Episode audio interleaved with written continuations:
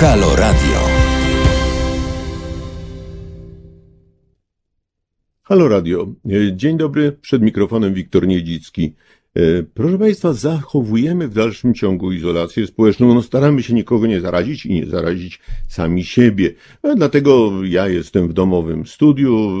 Realizator zapewne pokaże moje studio, no mnie, e, ale, ale poza tym staramy się również wychodzić. Czasami po to, żeby, żeby zobaczyć, jak wygląda świat. A ten świat wygląda bardzo pięknie. E, wiosna wybuchła. Ci z Państwa, którzy byli na spacerze, no widzieli kwiaty, drzewa, wszystko kwitnie, cudownie pachnie. E, no dobra, ale jest ta zieleń, kwitną kwiaty, a tam w tej trawie coś tam sobie chodzi Coś przeleciało koło grządki, albo jakiś inny maleńki osobnik biega po korze drzewa. Mm, jakiś stworek wyszedł pod, spod płyty chodnikowej, inny żyje w torbie z mąką, to już trochę gorzej. No ale dla większości z nas to jakieś robaki, które łażą po ziemi. E, czasem dostają się niestety do naszych mieszkań, no i to jest dużo gorsze.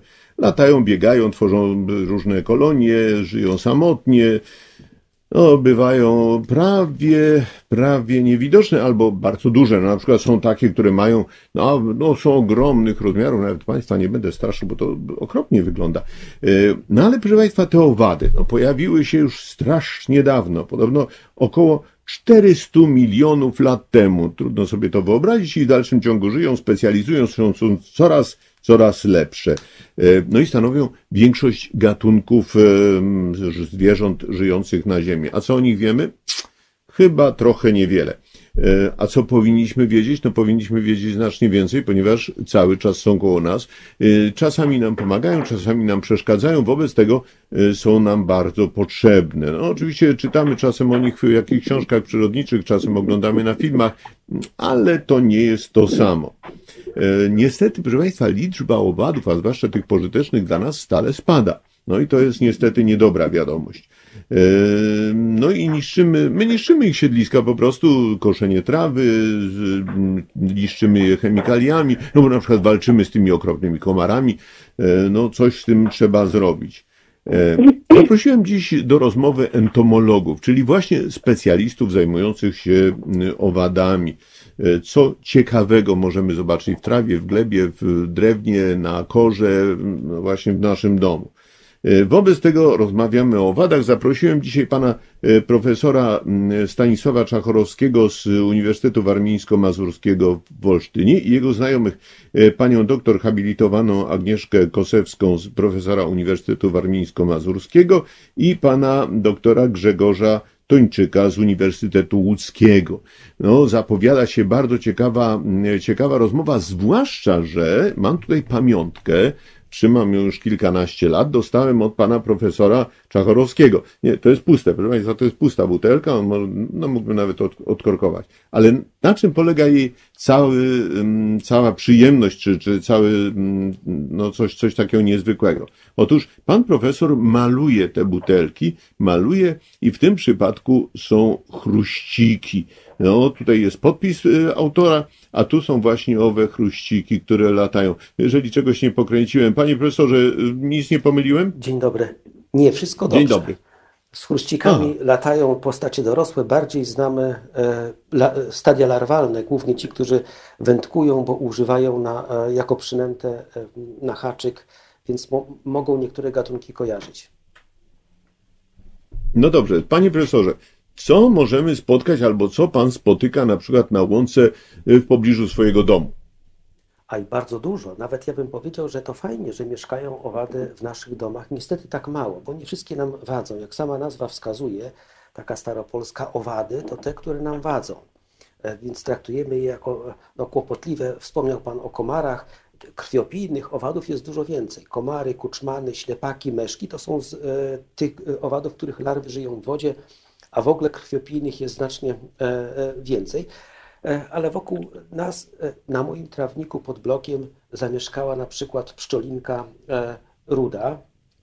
Mała, samotna pszczoła. Cieszę się, bo mogę z okna obserwować. Kilka lat temu miałem inne sąsiedztwo. Tuż przy oknie zagnieździły się osy dachowe.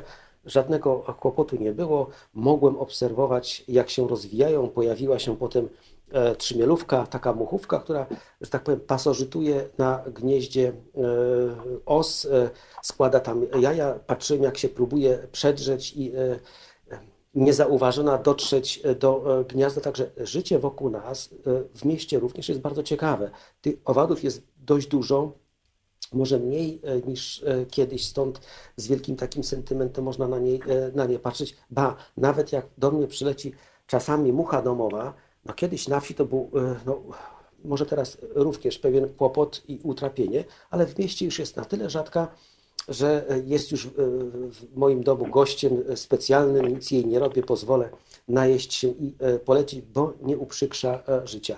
A to, co na trawniku również jest niezwykle mm, ciekawe, pan redaktor w swojej zapowiedzi na Facebooku filmowej pokazał między innymi takiego czerwonego pluskwiaka. To jest No właśnie. kowal bezskrzydły, ale on skrzydła ma. Ale E, wie pan co, panie są- profesorze, przepraszam, przepraszam, panie profesorze, na moment. Gdyby pan mówił trochę bliżej mikrofonu, bo słabo z pana słychać. E, Może nie bardzo sobie radzę, może O, gdzieś tu o, podgłośnie. teraz lepiej. Teraz lepiej? O, Dobrze. o teraz lepiej. E, A więc te czerwone pluskwiaki, widoczne e, w mieście również, nazywają się kowal bezskrzydły, czasami w niektórych językach jako robaki ogniowe, trumniaki, e, gdzieś tam kozaczki, karabinierzy, a nawet chyba maska murzyńska. Są na tyle charakterystyczne, je możemy w, każdym miejscu niemalże zobaczyć, zwłaszcza pod lipami. Cóż w nich jest takiego charakterystycznego? Otóż na przykład to, że możemy zobaczyć je sparowane. Dzieci na- nawet mówią e, tramwaje. Kopulacja może trwać e, kilka dni.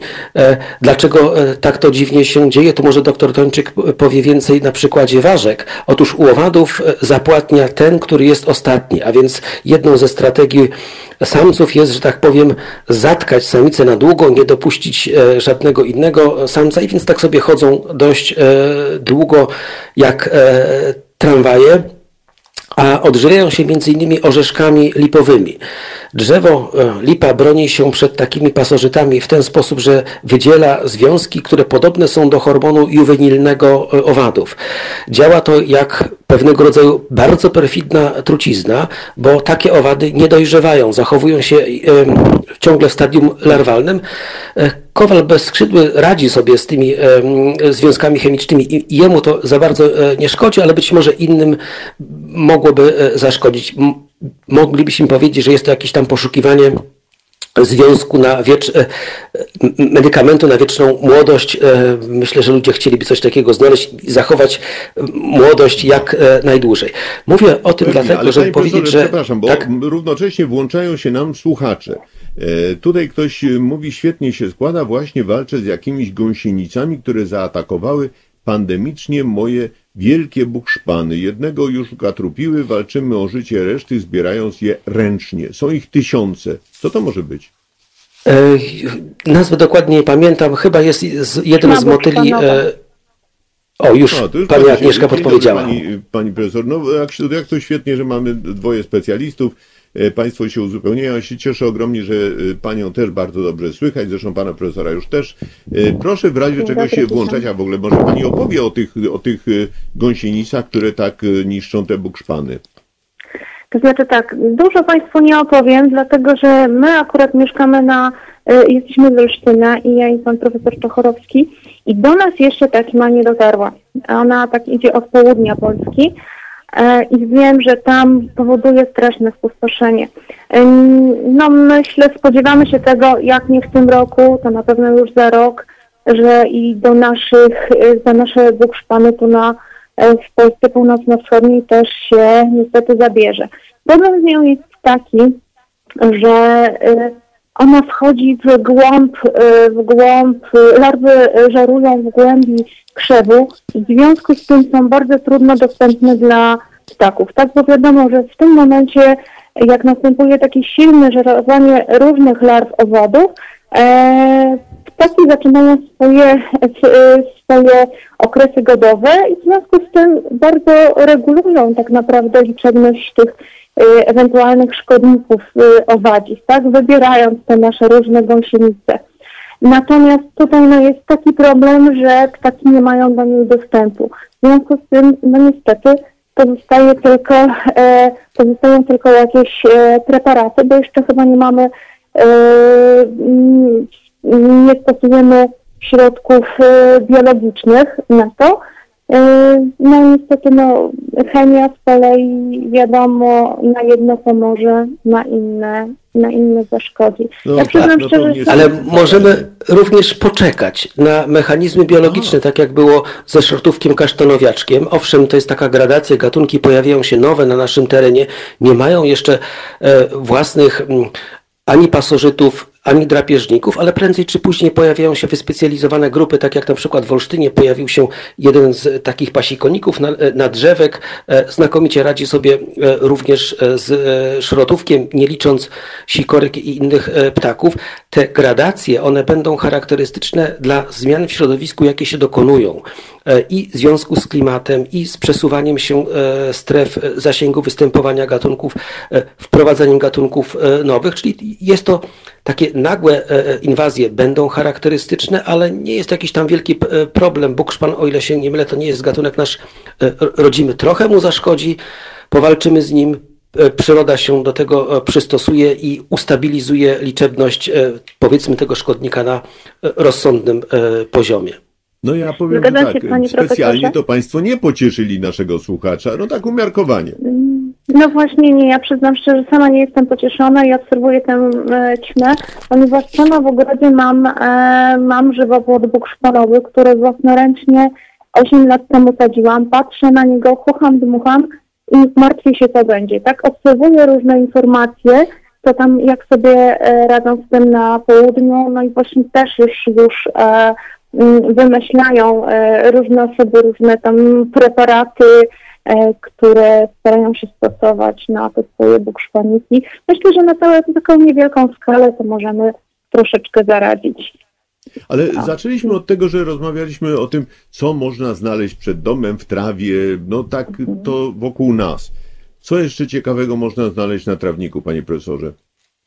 Oj, dużo rzeczy. E, Myślę mm, głównie o łąkach kwietnych. Na szczęście teraz e, zwracamy większą uwagę, żeby nie kosić do gołego, e, pozwolić roz, e, pojawić się większej liczbie roślin kwiatowych, roślin zielnych i wtedy pojawi się sporo zaraz, owadów. ale ja muszę zgłosić protest. Nie, nie, nie. Panie profesorze, przepraszam. Przecież jeżeli nie skosimy, to mlecze opanują wszystko. One się rozsieją natychmiast. I bardzo dobrze, no przynajmniej jest kolorowo. Pszczoły mają co jeść. Jest No, wiele gatunków jest owadów. na wiosnę, a potem są te takie brzydkie mlecze, to dmuchawce, tak a potem jeszcze trawnik. kwitną inne e, e, ro, e, rośliny, E, więc jest bogactwo gatunkowe większe. Myślę, że tak, wrócą, wracając jeszcze do tych gradacji szkodników, one wcześniej, tym częściej się pojawiają, im jest mniejsza róż, różnorodność gatunkowa. Jeśli jest siedliskowo e, mozaika większa, o wiele większa jest stabilność i takich wielkich gradacji e, nie będzie. Zatem i ze względu na suszę, Lepiej, żeby była większa różnorodność gatunkowa roślin zielnych, bo wtedy jest więcej e, na przykład zapylaczy, dziko żyjących samotnych pszczół, motyli, chrząszczy, a, a naszym problemem jest to, że spada różnorodność gatunkowa. W krajobrazach rolniczych to wyraźnie widzimy. Niemcy, Fra, e, mm, Francuzi, Holendrzy, e, nawet i w Australii wskazali, że spada różnorodność e, gatunkowa liczebnie e, i pod względem biomasy. To może być ogromny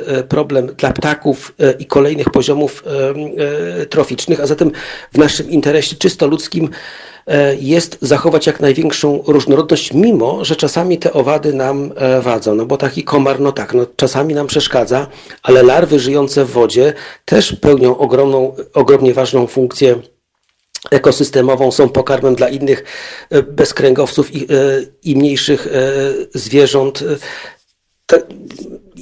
No tak, jak No, z sentymentem Panie patrzymy na no widzę, że pan utrzymał wszystko, no to w ogóle nie róbmy po takich porządków, ale z drugiej strony na przykład pszczoły. Ja już słyszałem, że w Chinach jest na tyle poważny problem, że oni tam już ręcznie zapylają pola w niektórych prowincjach, no bo właśnie brakuje pszczół. Tak bywa. są. Mhm. Wiem, że pszczelarze nawet i w Stanach Zjednoczonych bardziej zarabiają na wystawianiu uli do sadów i z funkcji tylko takiej powiedzmy ekosystemowej zapylania niż zbierania e, miodu. I jeśli e, owadów było dużo, no to mogliśmy sobie pozwolić na jakieś tam eliminacje. Teraz, kiedy jest ich mało, warto chronić je tam, gdzie teoretycznie jest to, nie przychodzi nam na myśl. Na przykład w miastach. Tu się generalnie mniej używa środków ochrony roślin, a zatem mają większą szansę na przetrwanie, bo w krajobrazach e, wiejskich przy dużej e, stosowaniu środków ochrony roślin mają mniejsze szanse na przetrwanie. Tu również kwestia e, architektury krajobrazu, większej mozaikowatości w naszym regionie, ale w innych również są duże pola monokulturowe, pszenicy, rzepaku, buraków, etc. Trudniej jest tam utrzymać się nie tylko tak zwanym chwastom, ale również i ptakom, e, e, kręgowcom, czy zwłaszcza e, owadom. Prowadzimy badania na różnorodności biologicznej w uprawach wierzby energetycznej. Zainteresowanie biomasą do, różnych celów, między innymi energetycznych, jest dość spore, a tutaj na Warmii Mazurach na Uniwersytecie również prowadzimy takie badania, jak uprawy wierzby energetycznej czy innych roślin dla celów energetycznych mogą wpływać na różnorodność biologiczną. Pierwsze badania wskazują, że jest to efekt taki pozytywny, dlatego że te uprawy zwiększają mozaikę siedlisk. Co więcej, w uprawach wierzby e, są powiedzmy chwasty, nie są tępione, a więc jest sporo więcej e, e, gatunków roślin i wraz z nim związanych gatunków.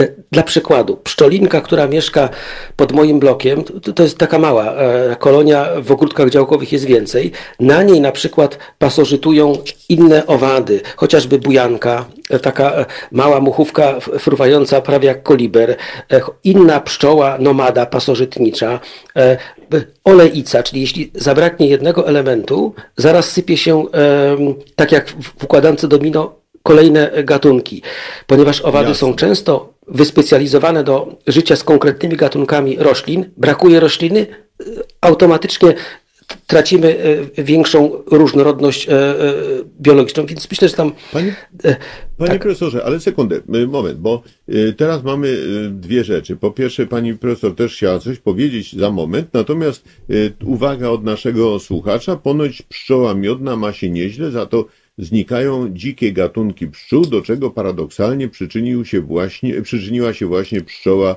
miodna. Czy to prawda? Może pani profesor zechce powiedzieć?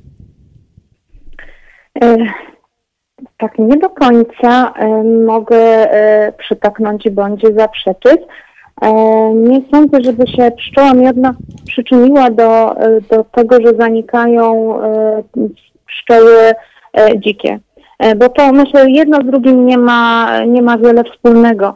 Większy pro, większym problemem jest zanikanie siedlisk, większym problemem jest właśnie e, e, taki charakter monokulturowy upraw, e, wypalanie traw, na co dzięki Bogu już w naszym kraju jest, jest na, coraz rzadsze, a właśnie nie łączyłabym tego z pszczołą miodną. Tutaj jeżeli chodzi o to, czy pszczoła miodna ma się dobrze, no to tutaj też nie do końca tak jest tak doskonale, nie do końca jest tak słodko. Oczywiście mamy dużo lepiej niż, niż na przykład w Stanach, gdzie bardzo dużo e, pszczół padło. E, jednak nasi pszczelarze mimo wszystko trochę narzekają, tak? Ciągle borykają się z wieloma Tak, bo podobno pestycydy i inne środki w rolnictwie powodują choroby u pszczół. Tutaj ktoś właśnie pisze. Tu to znaczy tak, pan...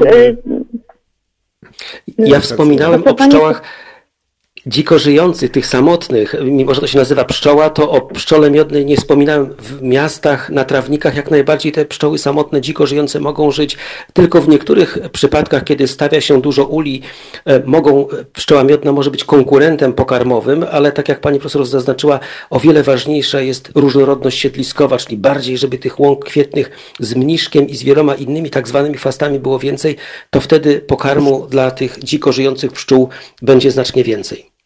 Poza tym chciałam jeszcze dodać jedną ważną rzecz, że tutaj te pszczoły dziko żyjące e, się uzupełniają z pszczołą miodną. Pszczoła miodna jest dużo bardziej wybredna. Ona ma jakieś takie, taką pamięć e, pokarmową i ona wybierała, wybiera jakieś konkretne pożytki. niektóre pożytki, których jest mało, które są dla niej mało interesujące, niesmaczne i tak dalej, są przez nią w ogóle pomijane. Ma, jest ukierunkowana na taki czy inny pokarm, natomiast te pozostałe właśnie gatunki pszczół E, są uzupełnieniem e, tak naprawdę zapylania tej pszczoły miodnej. I tu mówię, absolutnie nie zgodzę się z tym, że pszczoła miodna e, ogranicza w jakikolwiek liczebność pszczół dziko żyjących. Przy okazji tutaj znów mamy uwagę od naszego słuchacza, pan Marek, Oglądam to tutaj, y, prawdopodobnie to jest y, w Norwegii, z rosnącym zaniepokojeniem. Dzisiaj widziałem pierwszą pszczołę. Maj do cholery. No właśnie w maju to tych pszczół powinno być w całej Europie pełno. Teoretycznie te pszczoły już wcześniej są, to jest to kwestia tylko zwracania uwagi, bo na małe owady raczej nie zwracamy uwagi, nawet te pod e, nogami.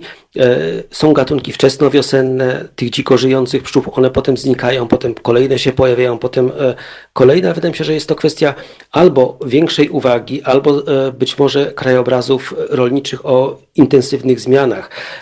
To, co wypłynęło w przypadku szkodnika bukszpanu, to zmiany zasięgu występowania. Entomologów jest niestety mało e, i tu nam potrzebne są takie badania bardzo podstawowe. Pewne gatunki łatwiej się rozpoznaje, e, na przykład przyżyciowo. Tutaj może doktor Tończyk powie więcej o ważkach.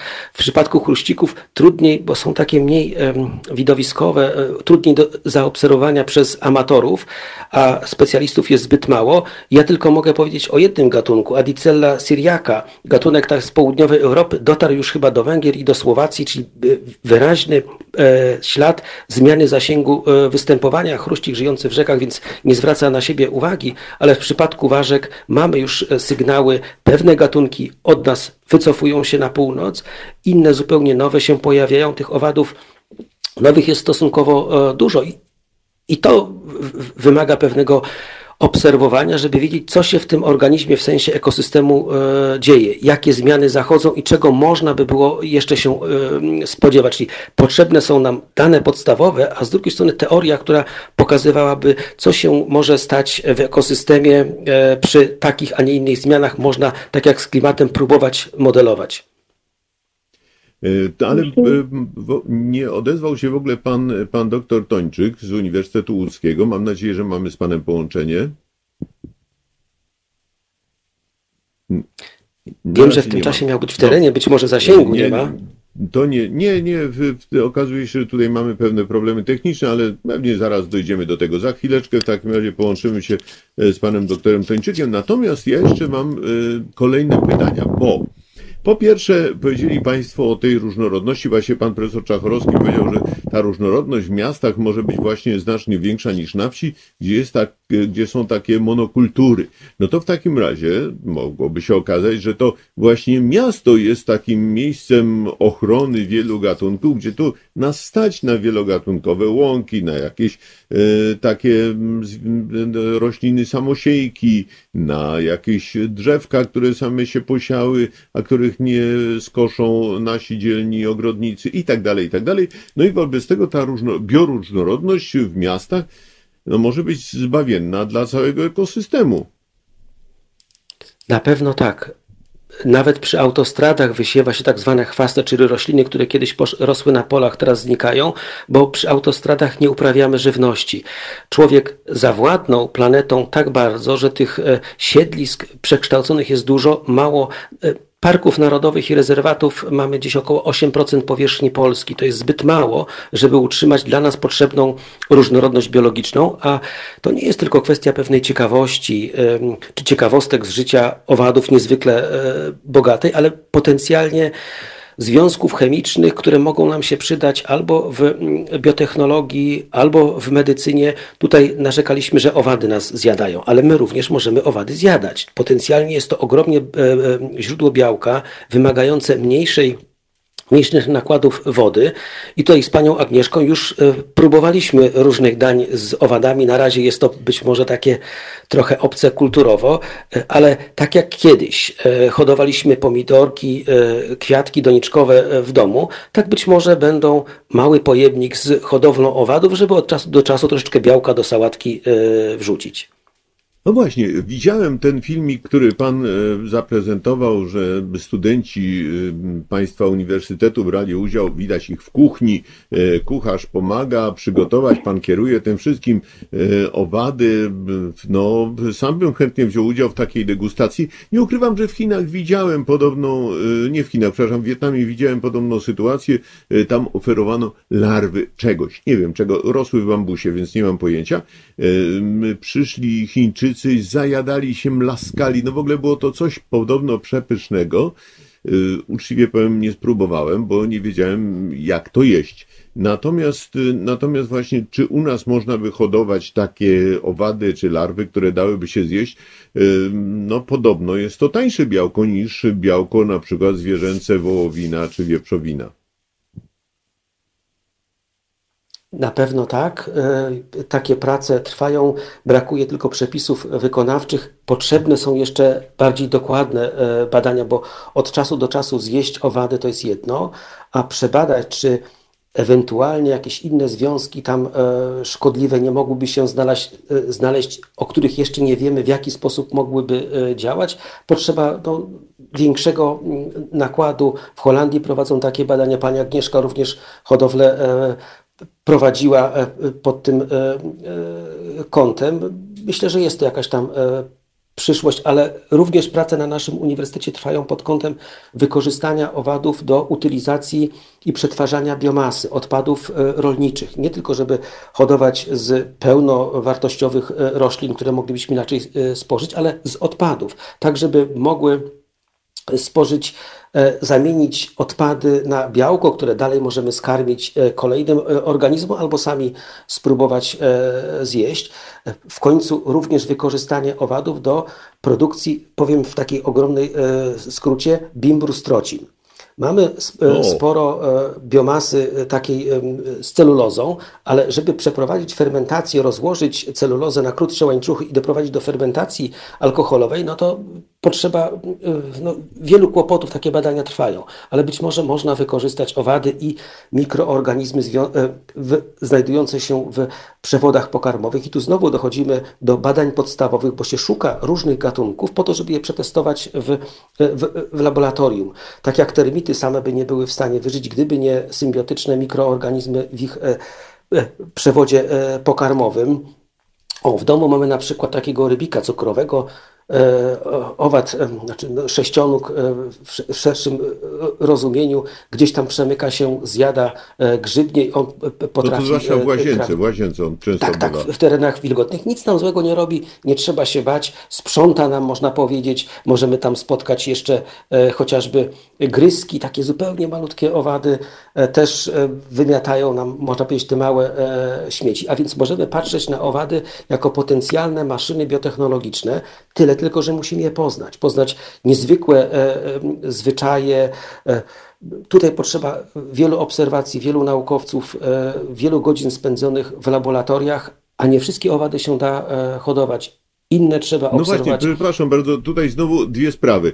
Po pierwsze mamy znowu czy te, słuchacza, który zapytał tak, czy nie powinno się prawnie zmusić rolników do pozostawienia w stanie dzikim części każdego pola, na przykład 10%. Ja nie wiem, czy to jest wykonalne, ale co pan o tym sądzi?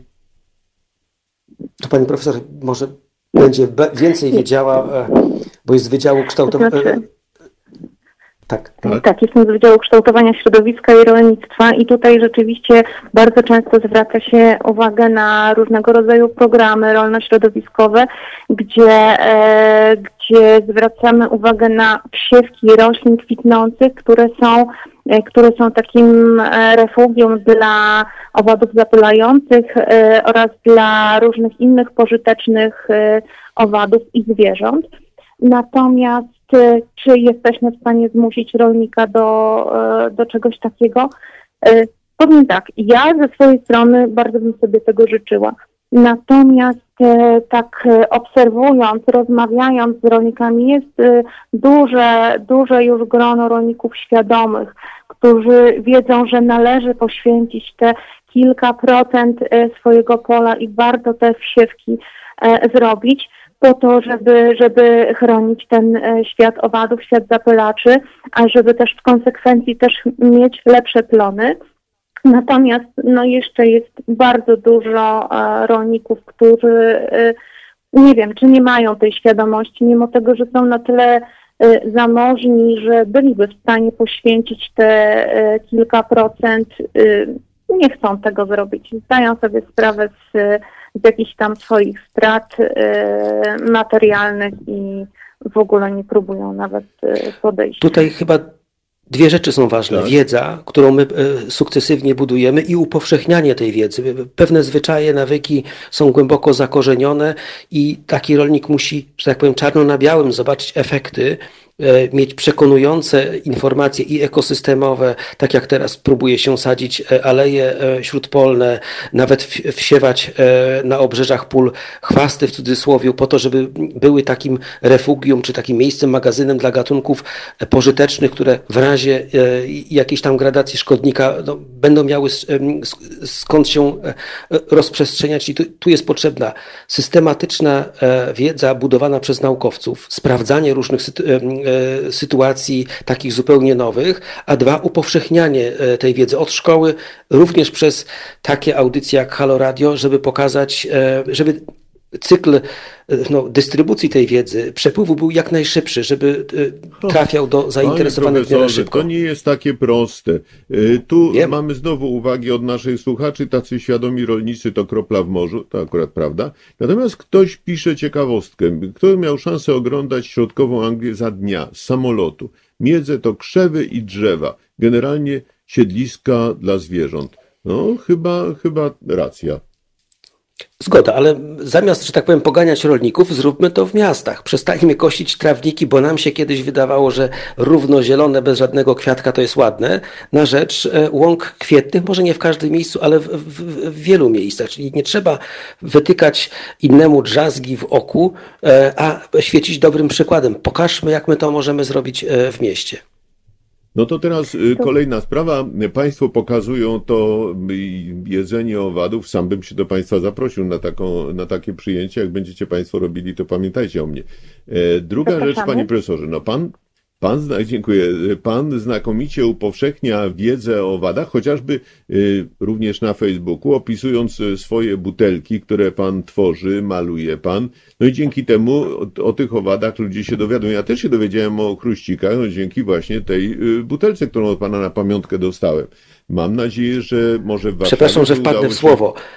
Tak. Maluje to, co ginie, żeby ochronić od zapomnienia, bo wymieranie gatunków jest na, na dość dużą e, skalę, czyli to taki element dodatkowy pokazania, o, ten świat wokół nas, którego nie widzimy, bo więcej znamy przyrody z telewizji, z Afryki, e, z Oceanii, z Antarktydy, niż to, co jest wokół e, nas. Sam się dziwię, jak dużo gatunków ciekawych e, jest wokół mojego bloku. No, przed chwilą było stado dzików, e, dwie lochy z odyńcem i 14 warchlaków e, no zbuktowały trawnik, poszły dalej. No, no może to nie jest... Przy takim zrytym trawniku żyć? A to dobrze, bo przynajmniej odsłonią trochę e, ziemi. E, pojawi się taka malutka luka e, w trawniku i tam sygnał dla niektórych nasion czekających e, w, powiedzmy w spoczynku, w uśmieniu, jest szansa na rozwój, mo, można e, kiełkować. No tyle tylko, że dziki w środku miasta to nie do końca bezpieczne dla, e, dla wszystkich mieszkańców i tutaj to może nie jest najlepszy przykład. E, więc tutaj jest kolejna sprawa. Pan, tutaj już, już pani profesor, e, nie lubię tej mody na idealne trawniki przed domami. Ludzie boją się e, kończycy albo mleczy przed swoimi domami. To no, mam nadzieję, że, że to jest. I ktoś tutaj dodaje też, biera mi się na wymioty z tego powodu. No może to trochę przesada. Pani profesor, proszę bardzo. To znaczy, ja tak troszeczkę chciałam odnieść się jeszcze do wcześniejszych, wcześniejszych wypowiedzi, do e, pytania, e, do jakichś wątpliwości e, słuchacza, pana Marka, że maj i dopiero zobaczył pszczołę. To tutaj tak troszeczkę e, wrócę do tego, co e, powiedział pan profesor. Myślę, że możemy, musimy bardziej obserwować, lepiej obserwować.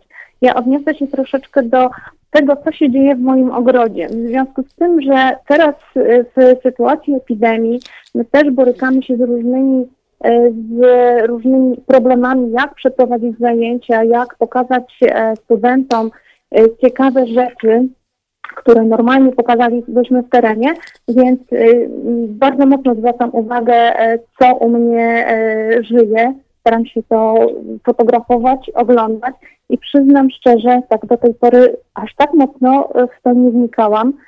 E, wychodząc w, jakiś ciepły, taki słoneczny, y, mało wietrzny dzień i obserwując te wszystkie kwitnące kwiaty właśnie w ogrodzie, na skalniaczkach, e, możemy zaobserwować całą masę e, owadów zapylających.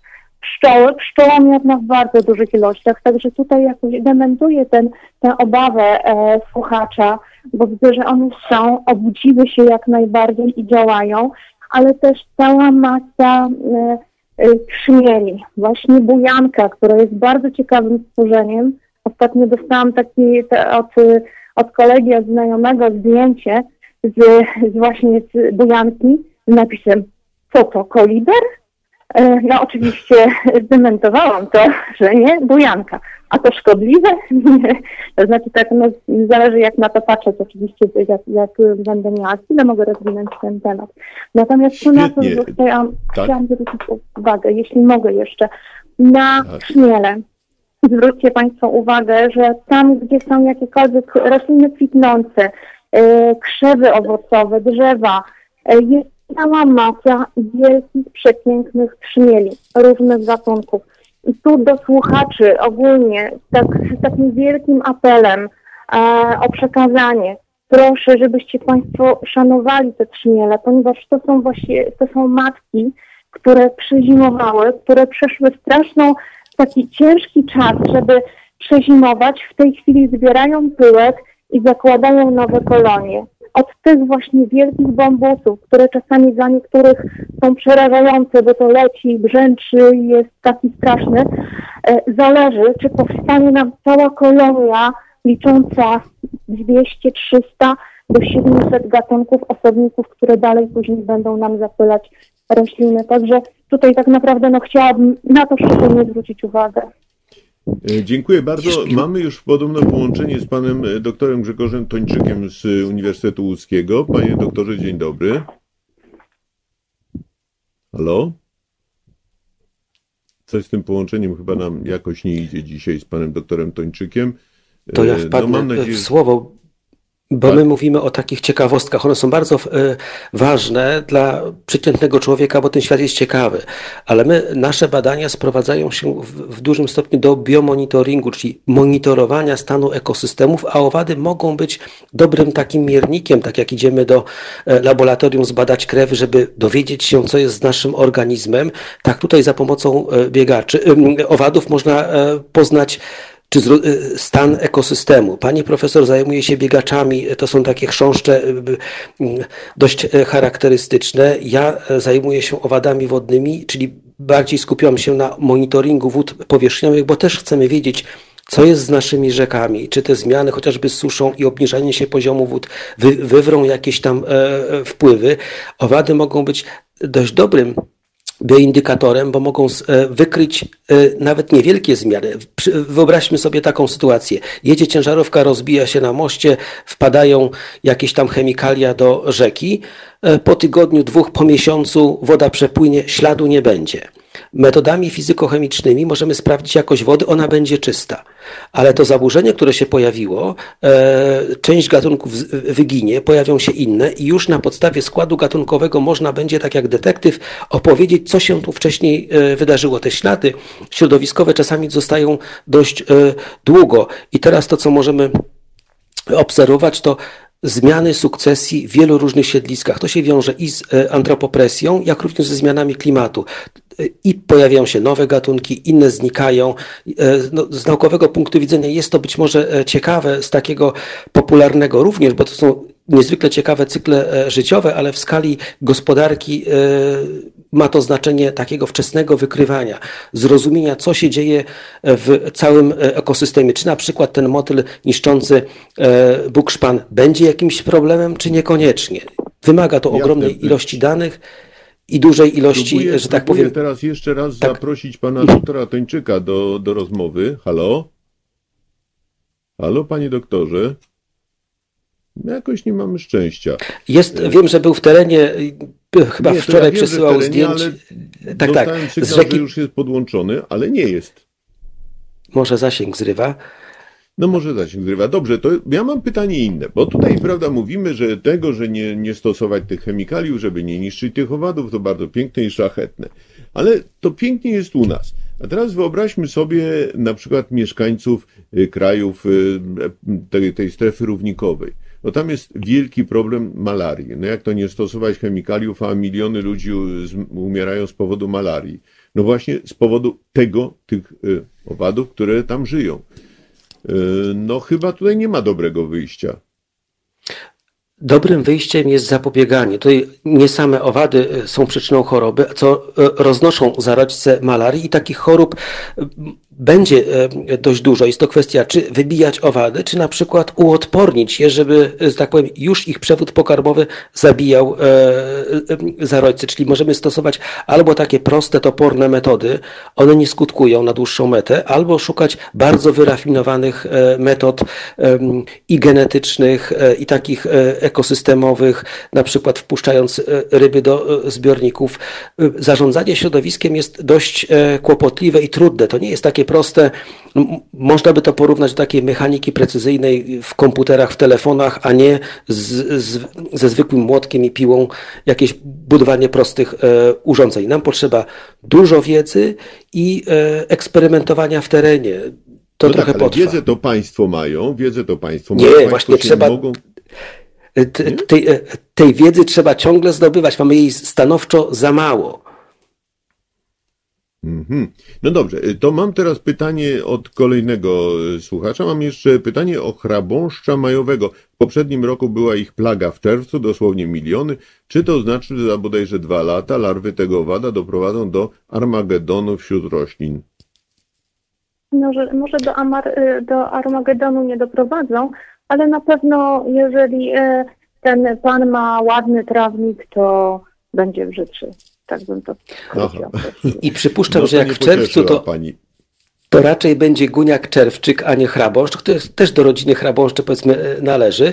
E, Tutaj mi się przypomniał przepis na zupę z chrabąszczy, taki gdzieś wygrzebany e, w, przez naszego znajomego restauratora z warmińskiej tradycji, bieda jedzenie, pewno bardziej świnią skarmiano, ale ktoś zrobił zupę z chrabąszczy, właśnie próbował. W ubiegłym roku był kłopot ze znalezieniem chrabąszczy, bo ich nie było, stąd wpadliśmy na pomysł, żeby wypróbować owady hodowlane w, w laboratoriach. Gradacje mogą się pojawiać takie e, liczniejsze co jakiś czas. E, Im bardziej stabilny będzie ekosystem, tym te gradacje będą mniejsze i szybciej e, wyciszane. E, Panie profesorze, wspaniale, to znaczy ja obojgu Państwu, e, Państwa bardzo dziękuję, to fantastyczne opowieści. E, Tylko pytanie teraz takie zupełnie na marginesie. Po pierwsze, to może Państwo uruchomią albo właśnie z porozumieniu z jakimś restauratorem, na przykład degustację tych, no właśnie takiej zupy z chrząszcza, czy z jakiejś chrabąszczy, czy z jakichś innych owadów. I druga rzecz, Panie profesorze, kiedy wernisaż pana piękne, pięknie malowanych butelek w Warszawie? Ja jeszcze dla tych, którzy nie oglądali na początku, to jeszcze raz pokażę jedną z takich butelek, którą mam na pamiątkę już od kilkunastu lat. Wygląda to naprawdę super. Butelka jest pusta, żeby była jasność, o to nic tutaj nie ma.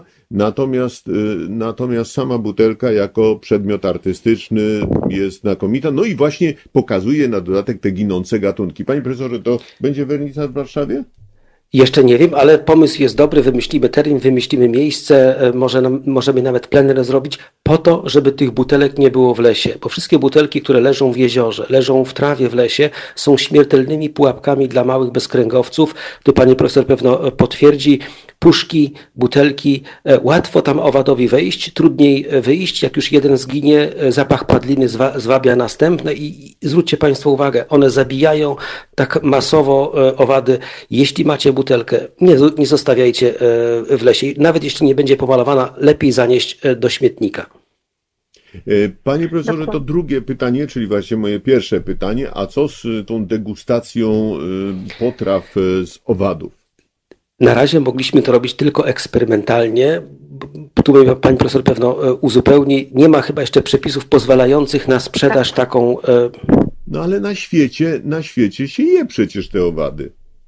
Na świecie się je, ale w Unii Europejskiej w ogóle dopiero od 1 stycznia 2018 roku zmieniły się przepisy, że w ogóle można, 19, że można używać jakichś elementów owadzich w, w, do sprzedaży.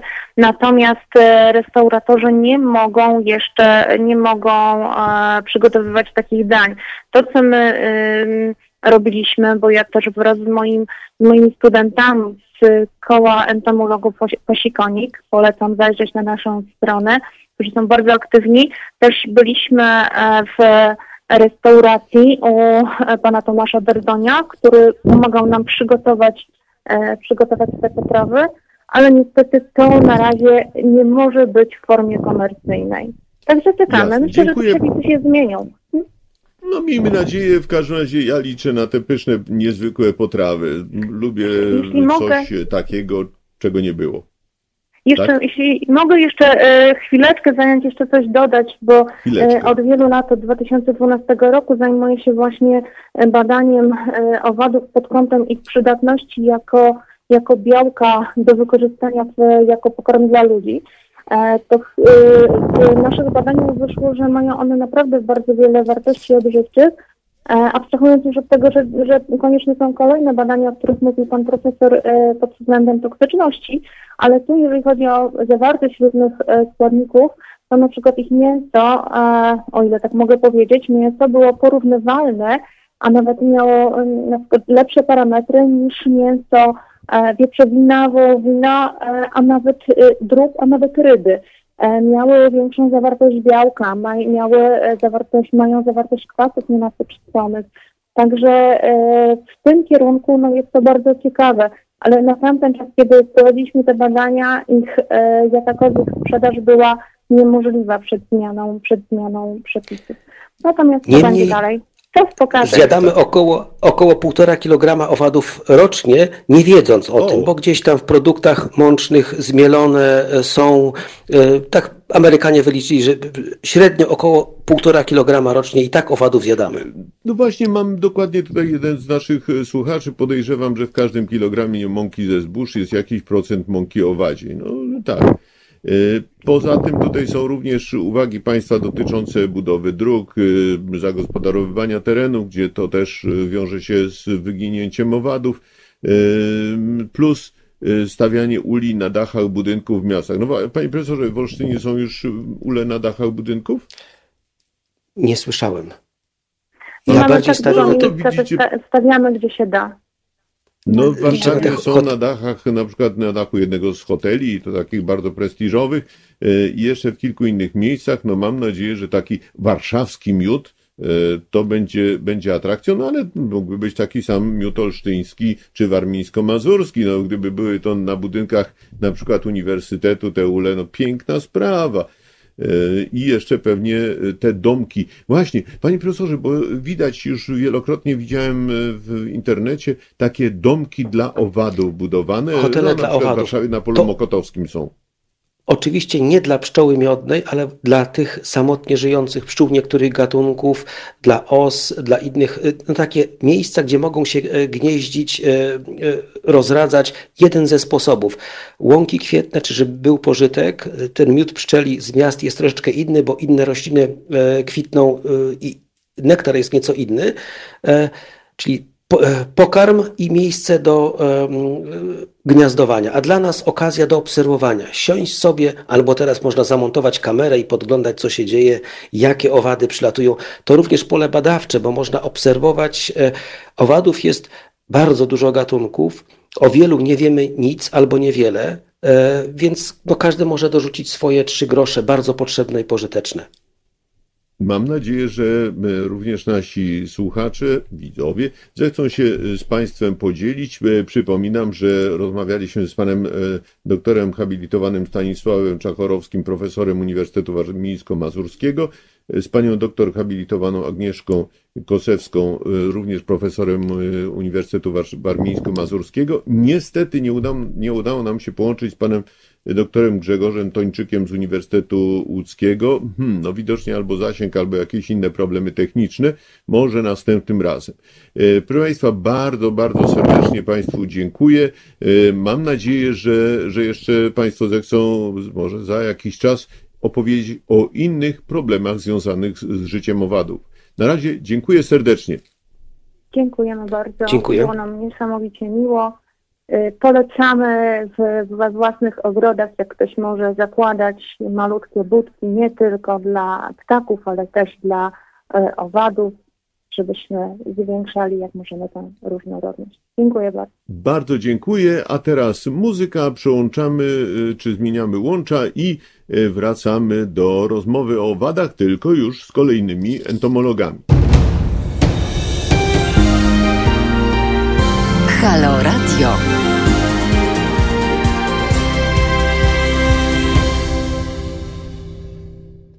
Dzień dobry, Halo Radio, Wiktor Niedzicki. W drugiej części ciekawych dwóch godzin rozmawiamy o tym, co wokół nas chodzi, gdzieś po ziemi, łazi po korze, y, gdzieś lata, czyli o owadach. Y, Zaprosiłem dziś do rozmowy w drugiej części panią profesor Ewę Joannę Godzińską z Instytutu, y, Instytutu Biologii Doświadczalnej imienia Marcelego Nęckiego Polskiej Akademii Nauk w Warszawie, panią doktor Annę Szczukę, też z Instytutu Biologii Doświadczalnej i studenta pana Kaspra Jerzego Piwowarka.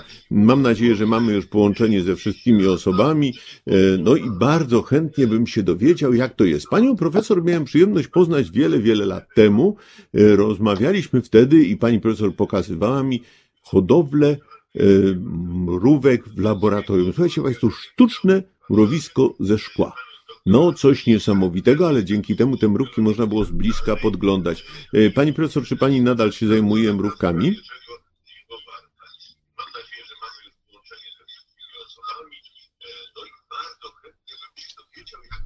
Halo?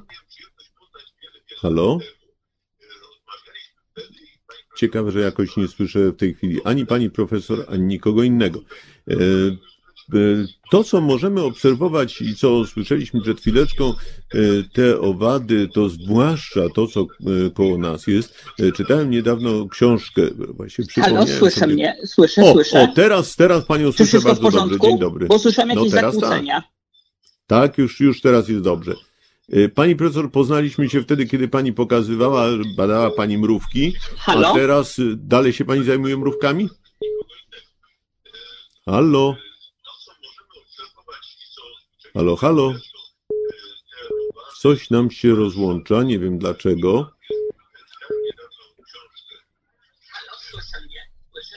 O, słyszę, że tam coś się odbywa w studiu, jakieś y, próby połączenia, ale nie bardzo, nie bardzo to zaczyna działać.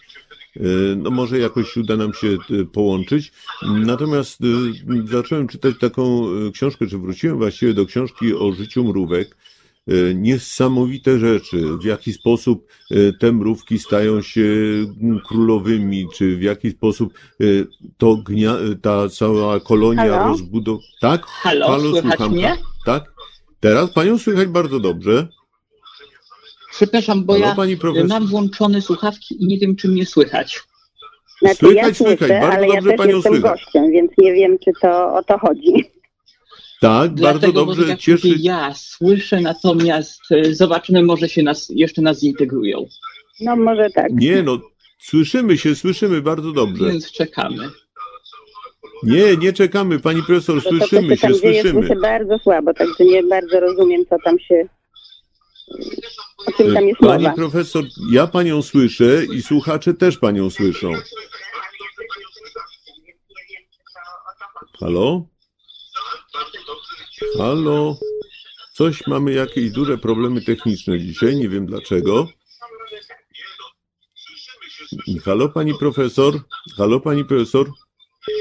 Aha, y, podobno dobrze, gdyby pani wyłączyły głos z komputeru, bo y, sprzęga nam, robi się echo, także trzeba wyciszyć, wyciszyć dźwięk z komputera. Nie wiem na czym to polega, ale.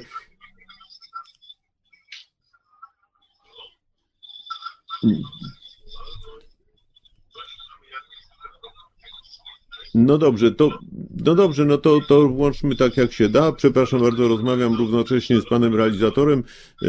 No coś się porobiło technicznie, to nie jest najlepiej. Mam nadzieję, że za chwileczkę będziemy mieli połączenie lepsze. Zacząłem mówić o tych mrówkach. Mrówki, jak wiadomo, są bardzo starymi owadami w sensie pochodzenia, no i poza tym opanowały wszystkie właściwie lądy. No nie wiem jak jest z Antarktydą, e, pewnie tam jeszcze nie dotarły, chociaż nie wiadomo. Natomiast te mrówki mamy wszędzie. No również w domach mamy maleńkie mrówki faraona, ale są i duże i w niektórych krajach bardzo agresywne, e, takie, które toczą ze sobą wojny i no wiele, wiele niezwykłych rzeczy, które można się nauczyć czytając właśnie książki o mrówkach. E, to jest w ogóle fascynująca sprawa, że my obserwujemy chociażby te kolonie mrówek, te piękne mrowiska, no tylko możemy z zewnątrz patrzeć, jak te mrówki zachowują się przed deszczem, albo wtedy, kiedy mają jakąś ofiarę, czyli pożywienie, albo wtedy, kiedy obserwujemy, kiedy one się bronią przed jakimkolwiek zagrożeniem. Natomiast, e, no cóż, nasza wiedza o tych mrówkach jest naprawdę niewielka. Mam nadzieję, że uda nam się w końcu połączyć z panią profesor. Halo? Halo? No tutaj mamy dalej jeszcze, jeszcze jakieś problemy techniczne.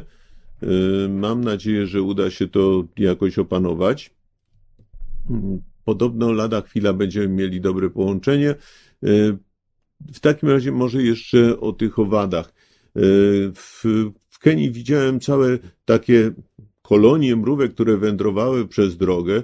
E, oczywiście przewodnicy też starają się, żeby nie zakłócić tego e, marszu mrówek. One mają swoje cele, jeżeli im nie wchodzimy w drogę, to e, to w żaden sposób im nie przeszkadzamy, ale z drugiej strony te mrówki są również czyść. O, mamy już panią profesor podobno, tak? No wreszcie się udało. Dzień dobry wszystkim. Dzień dobry, no wreszcie się udało. Fantastycznie, bardzo się cieszę, że mamy pierwszy sukces. E, pani profesor, zacząłem od tego, że poznaliśmy się, kiedy pani mi pokazywała mrówki w takim e, laboratoryjnym mrowisku szklanym. E, tak. To było coś fantastycznego. Czy w dalszym ciągu mrówki są w domenie pani zainteresowań?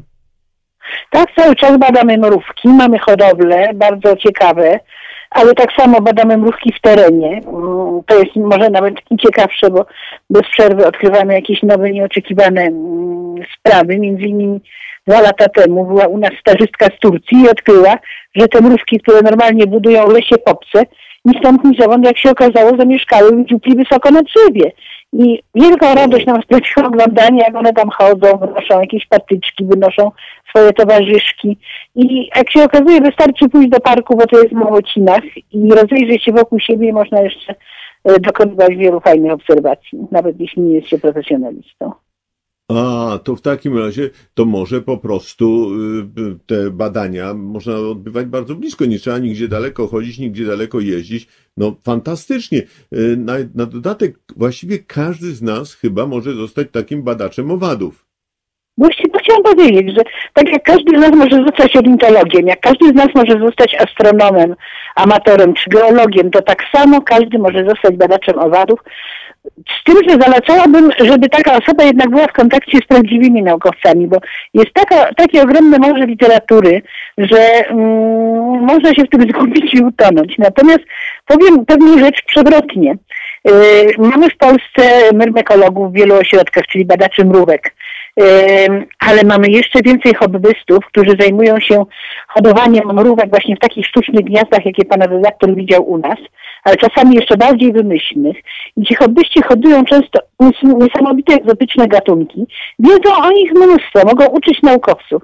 Także jest wielka społeczność ludzi zainteresowanych owadami społecznymi w Polsce, a zwłaszcza mrówkami, warto być z nimi w kontakcie, bo można się dowiedzieć niesamowitych rzeczy. A mnie co najbardziej rozśmieszyło to to, że hobbyści właściwie nawet utworzyli swój, swoją własną odmianę języka polskiego. Tworzą jakieś przedziwne terminy na określenie swoich ulubionych mrówek, y, czas często wywodzące się z łaciny, ale mocno spolszczone.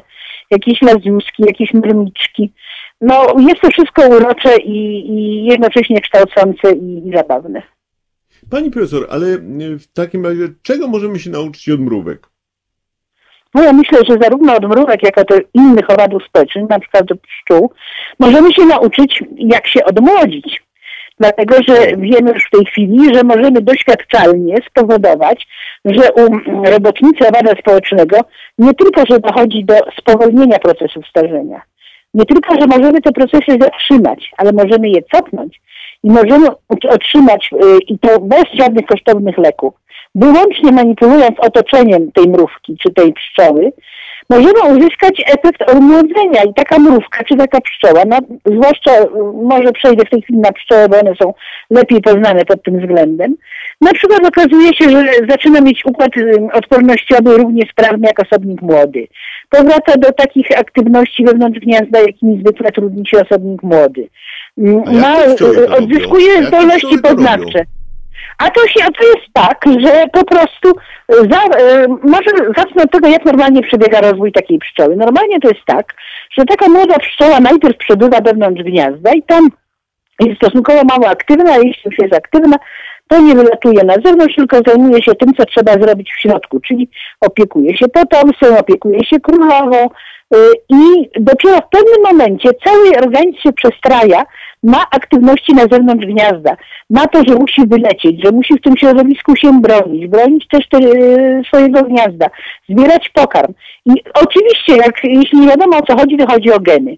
Za tym idą zmiany w ekspresji tysięcy genów. To nie jest jeden gen, który ulegał ekspresji opiekunki, a przez to u zbieraczki albo odwrotnie, tylko to są tysiące genów.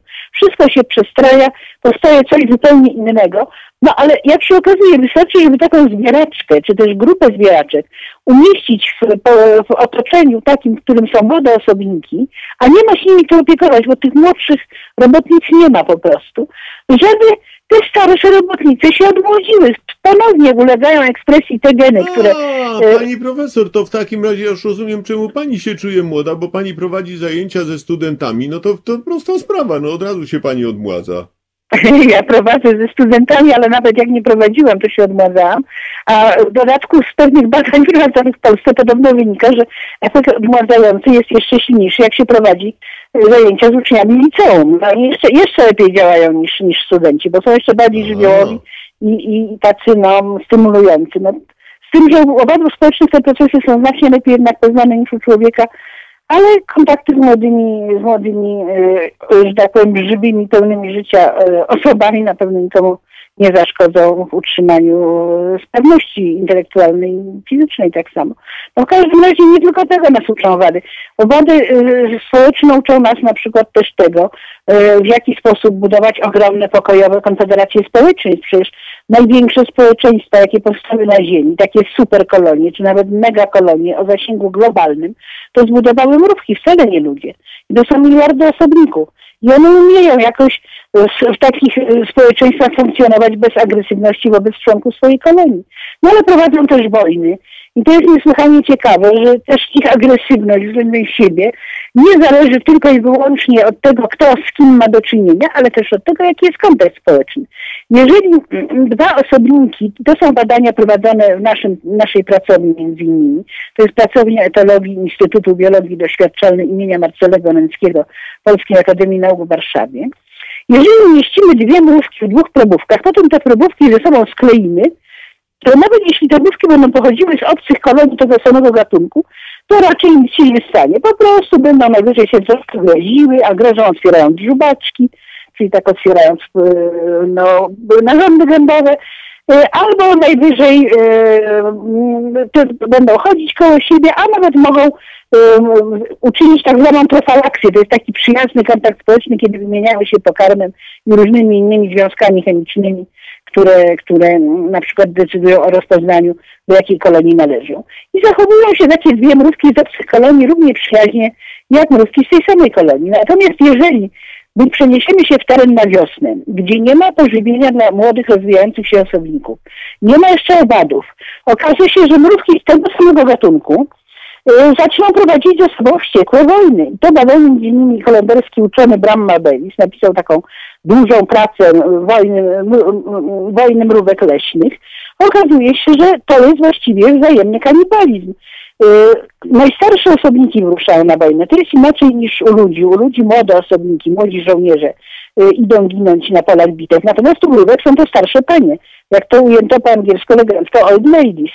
I te najstarsze robotnice zawijają się wzajemnie, a następnie zabite przeciwniczki zabierają do własnego gniazda i karmią nimi swoje młode. No, popatrzmy jaka przewrotność. Zamiast, żeby same zabiły swoje babcie i nakarmiły nimi młode, to nie, to one muszą mieć jakiegoś wroga i dopiero tego wroga zabijają i dopiero tego wroga traktują jako źródło pożywienia. A skąd wiadomość to o to chodzi? Na sąd, że jeżeli na takim polu bitwy albo na szlaku, który prowadzi do niego, wyrzucić pokarm, na przykład larwy mącznika, to mrówki y, zajmą się zbieraniem tych larw i nie będą się atakować. I ta wojna wtedy wygasa. Także uczą nas mrówki dużo o agresywności. Tu może dodam też, że badania nad neurochemicznym podłożem zachowań agresywnych były między innymi prowadzone właśnie z użyciem mrówek jako zwierząt modelowych. I tutaj ma piękną kartę Polska Nauka. Profesor Wojciech Kostowski był, wyprzedzał naprawdę pod tym względem to wszystko, co się działo w badaniach y, z zakresu neurochemii mrówek i właśnie on między innymi stwierdził, że w sterowaniu zachowaniami agresywnymi tych naszych pospolitych rudych mrówek leśnych odgrywają kluczową rolę te same związki, co w sterowaniu zachowaniami agresywnymi ssaków i człowieka, czyli y, aminy biogenne, dopamina i serotonina. I to, jak kiedyś usłyszałam na pewnej konferencji naukowej, to kilkadziesiąt lat wyprzedzało wszystko to, co potem na tym polu robiono. Także mamy piękne karty. Pani profesor, tutaj. przepraszam bardzo, tak cały czas myślę o tych, o tych wojnach mrówek i o tym, że jak państwo wrzucą im właśnie larwy, czyli pokarm, no to e, ta wojna wygasa. No to w tej chwili na Ziemi coraz bardziej, no już takim głównym elementem czy powodem wojny jest woda, której brakuje i te wojny o wodę będą coraz bardziej częste, bo po prostu wody jest mało, tej wody do picia. No, będzie tak, jeżeli czegoś nie zrobimy. No, prawdę mówiąc, wody to jest cały czas bardzo dużo, tylko jest sama słona. Jak nie zabierzemy się za, za jakieś działania na rzecz tego, żeby była retencja tej wody, żeby nie kopać rowów, nie pozwalać tej wodzie gdzieś uciekać, no to tej wody będzie więcej, przynajmniej w takich krajach jak Polska, tam gdzie są niesłychanie małe opady, no to, to, to tylko w ten sposób można sytuację ratować, albo właśnie odsalając wodę. To oczywiście jest bardziej kosztowna opcja już od razu nie wszystkich Pani będzie profesor, ale mówiliśmy tutaj o tych mrówkach, trochę o pszczołach, a jakie jeszcze ciekawe owady w, nad, w naszym otoczeniu możemy znaleźć? E, coś takiego, co no, może być ciekawe, chociaż niekoniecznie pożyteczne. No przede wszystkim mamy w Polsce już coraz więcej owadów, których jeszcze niedawno nie mogliśmy nas oglądać. No coraz częściej możemy napotkać modliszkę na przykład. Ja sama w zeszłym roku we wrześniu Y, natknęłam się w terenie pod Warszawie, to, pod Warszawą, właściwie to nie ja się natknęłam, ale moi młodsi współpracownicy. Ale raptem patrzę, uśmiechnięcie od ducha do ucha, idą i pokazują mi piękną modliszkę, którą znaleźli. Okazuje się, nie byłam jedyną osobą, która tego owada znalazła, także myślę, że one, że modliszki są bardzo ciekawe, duże, y, znane z tego, że samica niestety bardzo okrutna jest wobec samca, gdyż odgry, potrafi mu odgryźć głowę w trakcie miłosnych igraszek. Przepięknymi owadami są oczywiście ważki też, które e, duże, piękne skrzydła, ciekawe zachowania, terytorializm u wielu z nich. Bardzo ciekawymi owadami są motyle. To, to, to, to chyba nie muszę nikomu mówić, a tak samo ćmy, które mają niesamowicie dobry węch. Potrafi taki owad z odległości kilku kilometrów rozpoznać, że gdzieś tam kilka kilometrów dalej jest samica, bo dotarła do niego jedna, dosłownie jedna cząsteczka związku chemicznego, feromonu, które ta samica uwolniła. Yy, potrafią się zlecieć na przykład jakiegoś pudełeczka, w którym taka samica siedzi z bardzo wielkich odległości. Y, wydaje mi się, że chyba wszystkie owady są, są ciekawe. Nie ma chyba takich, które, które były nudne, bo nawet małe owady bez skrzydły, skoczogonki też mają swój urok. Nawet owady takie jak pchły czy pluskwy, też można o nich sporo powiedzieć. I y, też są intensywnie badane. Bardzo często takie badania przynoszą niespodzianki y, zupełnie nieoczekiwane. Także jeżeli ktoś interesowałby się entomologią, miał ochotę się więcej na ten temat dowiedzieć, to myślę, że takie hobby bardzo wzbogaci jego wycieczki, nawet do parku, nawet przed blok, y, jeżeli się rozejrzy, co tam przysiada na kwiatkach albo wyłazi ze szparchodniku. Pani profesor, a jakby pani powiedziała, od czego zacząć? No, załóżmy, że nigdy nie próbowałem obserwować owadów. Co muszę mieć, żeby obserwować owady? No jak się w ogóle do tego zabrać? Ja bym zaczęła od mrówek, bo one są najbardziej pospolite. Pójść do lasu albo pójść na łąkę, gdzie one też żyją. No, staram się popatrzeć. Jeżeli się e, chcę zobaczyć naprawdę dobrze, co one robią, no to pomoc nie może być też sfotografowanie albo sfilmowanie ich zachowań i potem spokojnie oglądanie sobie na filmie, no co, co, co ustaliliśmy, co zobaczyliśmy. I przede wszystkim mieć oczy otwarte. Jeżeli jest na przykład e, coś niezwykłego, na przykład wszędzie pojawia się bardzo dużo mrówek skrzydlatych, no to wiedzieć, że to jest rójka, że to nie jest jakiś inny odrębny gatunek, tylko to po prostu samce i samice się wyroiły ze swoich gniazd. I wtedy też można nakręcić piękne filmiki y, ilustrujące to zachowanie, proszę spokojnie obejrzeć. Można też na przykład zobaczyć, co przyjdzie, jeżeli w terenie postawimy maleńkie takie um, pozostawimy maleńkie takie kawałeczki pożywienia, na przykład fragment maleńki banana, czy kawałeczek tuńczyka wyciągniętego z puszki. Bardzo często złabiają się do tego najrozmaitsze owady, mrówki w tej liczbie. Można zaobserwować, jak pięknie wycinają sobie kawałki tego pożywienia, ale tak samo można zaobserwować pewne uteleczki pomiędzy nimi jakieś. Nawet bitwy o ten pokarm, jak się zwabią na przykład osobniki z dwóch różnych gniazd z dwóch różnych gatunków. Piękną sprawą jest obserwowanie zapylaczy, czyli pszczół oraz trzmieli, które przylatują na kwiaty nektarodajne i pyłkodajne i tam ko kolekcjonują właśnie nektar, pyłek, jak się dostają, jak wpuszczają swoje trąbki do wnętrza często dość głębokich kwiatów, jak, jak potem przelatują z kwiatka na kwiatek. To pod względem wrażeń estetycznych to jest tak piękne, mi dla mnie było, bo ja kiedyś badałam trzmielę, jak przebywanie na rafie koralowej gdzie jest przepiękny koralowiec, wokół niego się uwijają maleńkie rybki. No to tak samo mniej więcej wygląda na przykład pobocze torów kolejowych porośnięte roślinami takimi jak wyka czy kończyna i przylatujące w najrozmaitszych kolorach trzmiele, y, czarne z czerwonymi zakończeniami odwłoka, y, żółte paski, rude, żółciutkie jak miód. To są naprawdę prześliczne obady. Poza tym one komunikują się też nawet z człowiekiem. Na przykład jeżeli nie chcą, żeby człowiek zbyt blisko się do nich przybliżał, to unoszą środkową łapkę w takim ostrzegawczym geście. Jakie nie, nie chcący nacisnąć, to piszczą takim głosem żeby ostrzec też, żeby dalej tego nacisku no, nie przykładać na nie. Także Trzmiele chyba są najbardziej urocze z wszystkiego, co można znaleźć, a w tej chwili jest na nie sezon. Co prawda jeszcze w tej chwili głównie można mnie zobaczyć te bardzo duże osobniki. To są królowe założycielki, ale już lada chwilę się wyroją takie maleńkie i to są, to będą już robotnice. I teraz musimy o jednym pamiętać, że trzmiel najpierw latają małe robotnice, potem większe, coraz większe. To nie jest to, że one rosną, bo one już nie rosną po przejściu przeobrażenia. To są po prostu kolejne generacje robotnic, które są, y, właściwie kohorty powinnam powiedzieć, robotnic, które są coraz większe, bo były coraz lepiej odżywione. Najpierw karmiła jako matka, potem matka i siostry.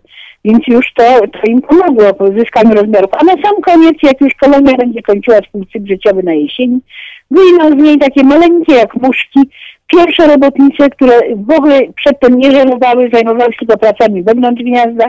I to też nie znaczy, że robotnice raptem się skurczyły. Po prostu przyszła pora, żeby te najmniejsze też wreszcie zaczęły żerować.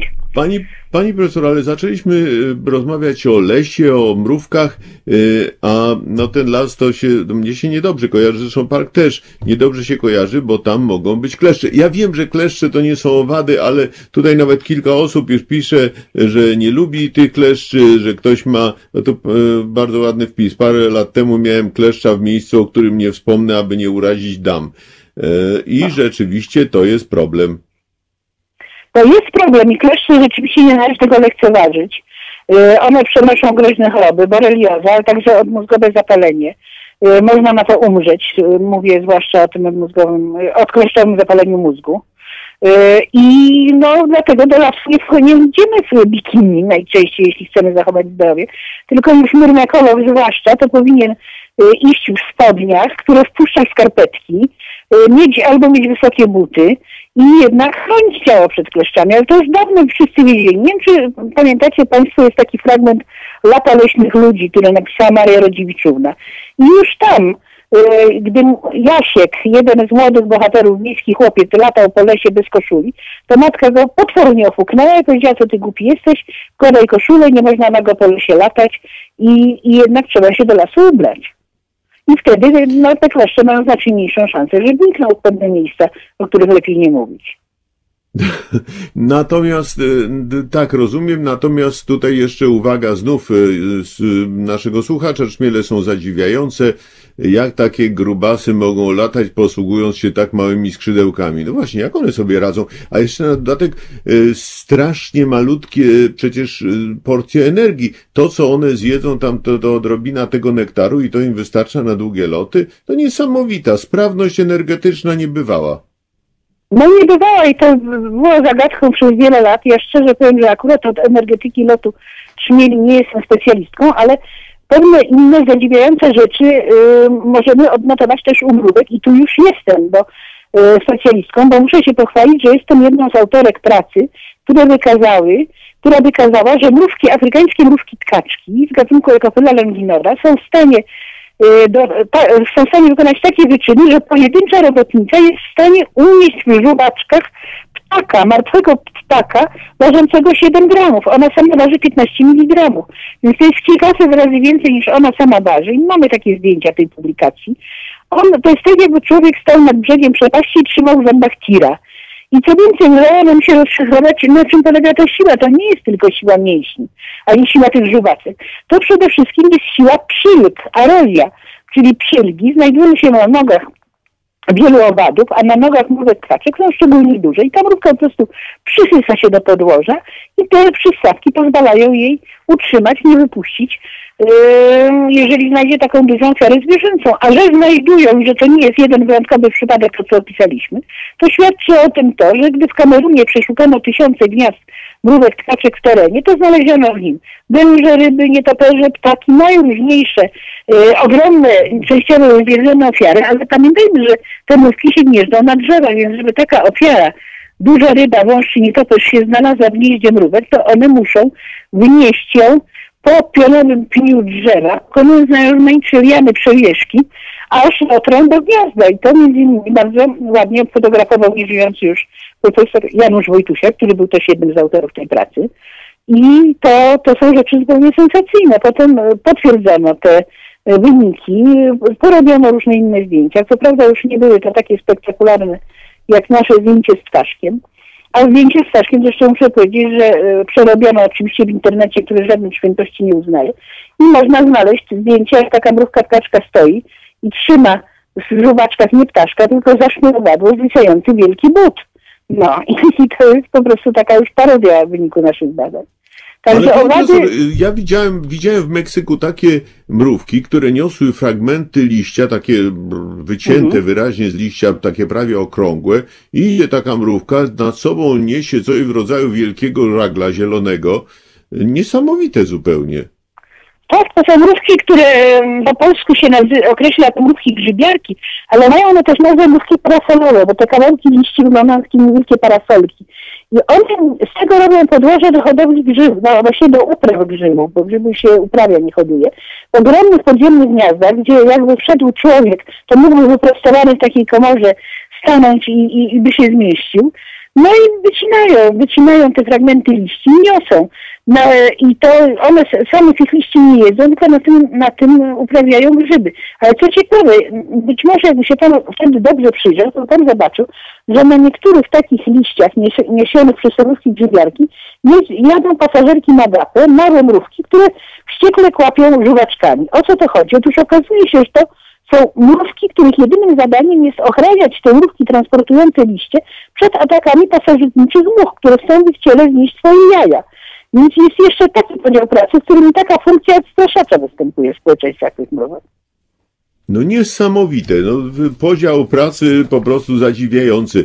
E, Pani profesor, e, na razie dziękuję Pani serdecznie, bo mamy problemy z tym połączeniem. Będziemy się próbowali połączyć z Panią doktor Anną Szczuką, e, która, która też obiecała, że nam opowie ciekawe rzeczy, więc na razie serdecznie dziękuję. Poproszę Pana realizatora o przełączenie, chwila muzyki i wracamy do rozmowy.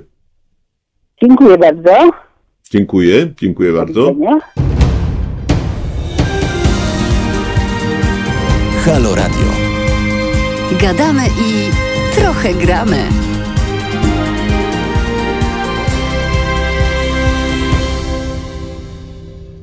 Przed mikrofonem Wiktor Niedzicki e, rozmawiamy nadal w Halo Radio o owadach. Y, Mam nadzieję, że mamy połączenie z panią doktor Anną Szczuką. Dzień dobry. Dzień dobry. Dzień dobry. Pani doktor, jaki jest, pa, jaki jest pani ulubiony owad? No to bardzo trudno powiedzieć, bo właściwie wszystkie owady są wspaniałe. W tej chwili pracuję z mrówkami, także no wychodziłoby na to, że mrówki, ale też y, mrówki to nie jest, my tak mówimy mrówki, ale to są tysiące gatunków, bardzo różne, o bardzo różnych charakterach, bardzo różnych zachowaniach, a w ogóle moja fascynacja owadami zaczęła się od pszczół, także może jednak pszczoły.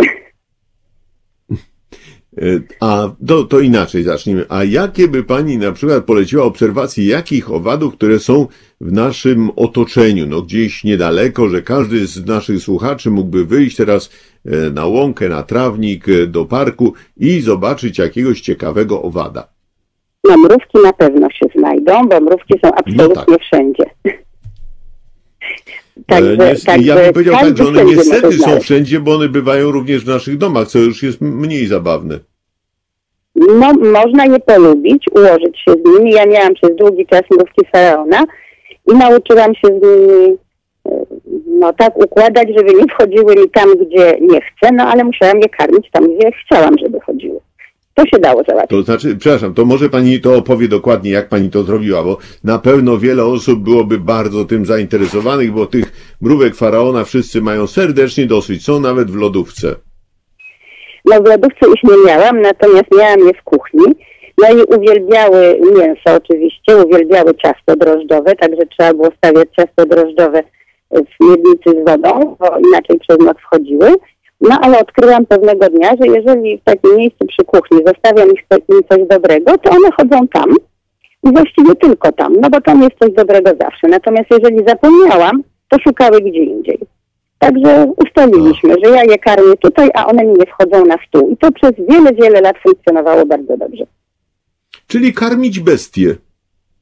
Tak, ustalić miejsce, gdzie zgadzamy się na to, żeby mrówki były i tam dostarczać jedzenie. A w takim razie dobrze. Y, W tych mrówkach pani profesor tutaj Godzińska opowiadała o y, ich sile, odporności, wytrzymałości, o możliwościach. A co panią fascynuje właśnie w mrówkach? No przede wszystkim spójność społeczeństwa. To, że one tak y, doskonale funkcjonują przy tak ogromnych ilościach i jednocześnie to wszystko wygląda mm, bardzo, bardzo spójnie. One po prostu wiedzą, wydaje się, że one wiedzą, co robią. Natomiast każda mrówka zna przecież tylko niewielki wycinek tego wszystkiego, co się w mrowisku dzieje, ale jej decyzje i decyzje wszystkich innych dookoła w sumie dają wspaniałe efekty. Chociażby przy chodzeniu po pokarm. W ogóle mrówki mają taką zasadę, że bardzo trudno u nich wywołać panikę, dlatego że każda mrówka, która stwierdzi, że się dzieje coś złego i uwolni feromony alarmowe, to y, inna mrówka, która te feromony odbiera, nigdy tego nie powtórzy. Tak jak człowiek, który usłyszał, że ktoś woła, że pali się, powtarza, że pali się. Mrówka nie. Mrówka najpierw sprawdzi, czy rzeczywiście ona uznaje, że jest to niebezpieczeństwo. Jeżeli uznaje, że nie ma, to już sama nie będzie podnosiła alarmu. E, Czyli jeżeli Hmm. kilka mrówek uzna, że jest niebezpieczeństwo, reszta, że nie, nie będzie paniki. I również Czyli nie ma plotkarzy mają... ani panikarzy. Nie ma plotkarzy Nie, nie są panikarzy. panikarami, one są bardzo rozsądne, że tak powiem. No i tak No samo wygląda wchodzenie po jedzenie. Jeżeli jakaś przykład. mrówka znajdzie coś dobrego, uzna, że po to warto chodzić, wraca do gniazda, kładąc szlak. I częstuje inne mrówki. Jeżeli jakaś inna mrówka uzna, że chyba warto, to będzie tam szła, ale ona idąc do źródła pokarmu, szlaku nie kładzie. Jeżeli dojdzie tam, sprawdzi, że rzeczywiście warto, wracając będzie kładła szlak. A jeżeli uzna, że nie warto, to już nie. Czyli musi dostatecznie dużo mrówek uznać, że jednak to jest warte chodzenia, żeby powstał szlak, na którym będą inne mrówki do tego miejsca docierały. To działa naprawdę genialnie, a na bardzo informacje. Ona Tak. weryfikuje informacje. To nie to, co Tak, my, że przeczytamy na Facebooku i od razu zaczniemy powtarzać. No na szczęście mrówki tego nie robią, mimo że swojego Facebooka mają, bo wszystkie zapachy, które się w mrowisku kłębią, różne właśnie feromony, różne informacje są przekazywane, ale póki nie zweryfikuje, to nie będzie tego powielać. E, Tu pytanie znów od naszego słuchacza. Słuchacz jest dzisiaj bardzo aktywny. Czy zdarzają się wśród mrówek anarchiści? Nie, Przepraszam, co? Anarchiści, no tacy, którzy, Anarchiści? którzy nie uznają tej. No, anarchiści, no tacy, którzy są przeciw, no, cały czas. E, Znaczy może tak, e, zdarzają się mrówki, które są mniej aktywne od innych. To znaczy zawsze jest, jest taka sytuacja, że są elity, tak zwane, czyli mrówki, które bardzo intensywnie pracują i takie, które pracują mniej intensywnie.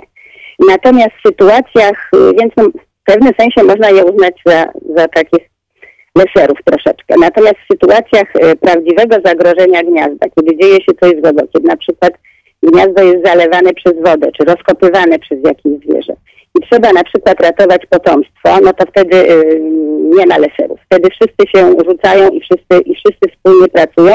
Z tym, że też jest podział, bo na przykład na młodsze mrówki raczej będą chwytały dzieci i je wynosiły gdzieś, a starsze będą raczej y, broniły gniazda, w sensie będą agresywnie broniły gniazda. Ale na przykład jeżeli są rozrzucone gdzieś poczwarki i trzeba je szybko zabrać, to wtedy wszyscy to robią. To jest, to jest to, co jest najważniejsze i tu w tej chwili już nie będzie żadnego, żadnego wahania.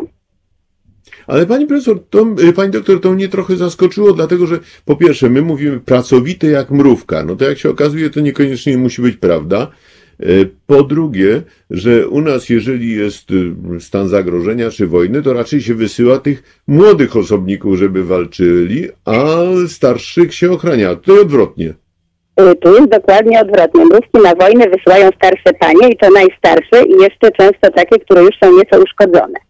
No ale to wynika z tego, że one są bardzo rozsądne. To znaczy młode osobniki, które mogą jeszcze długo żyć i długo y, pracować na rzecz kolonii, no to nie warto ich y, narażać, także one raczej będą chronione. Natomiast te osobniki, które mają już przewidywalną długość życia najkrótszą, czyli już najkrócej będą i tak służyć kolonii, no to te w pierwszej, w pierwszej linii idą na niebezpieczne różne misje. Y, Jest No taki to te gatunek są mrówek, mądrzejsze gdzie... od nas, od ludzi, no, gdzie my często właśnie na wojnach giną młodzi ludzie, czyli ci, którzy mogliby najwięcej zrobić, najwięcej zdziałać, najwięcej dokonać dla dobra społeczeństwa, a właśnie oni giną. No właśnie oni giną i to jest naprawdę nierozsądne. Ambówki ro, rozwiązały to tak, że, że no, oni muszą najpierw, y, zresztą w ogóle na przykład w sytuacji głodu, kiedy trzeba y, zjadać potomstwo albo karmić potomstwo potomstwem, y, to zaczyna się od jaj, czyli w pi- w pierwszej, w pierwszym rzędzie używa się to potomstwo, w które się jak najmniej zainwestowało. Chroni się przede wszystkim najstarsze larwy, te, które już za niedługo będą mogły zacząć pomagać w kolonii. Jeszcze się przepoczwarczą, ale poczwarki już nic nie jedzą, więc, więc już nie będzie trzeba ich karmić. Także tutaj wiele Mhm. rzeczy dla nas wydaje się straszne, ale to jest bardzo rozsądne, ekonomiczne.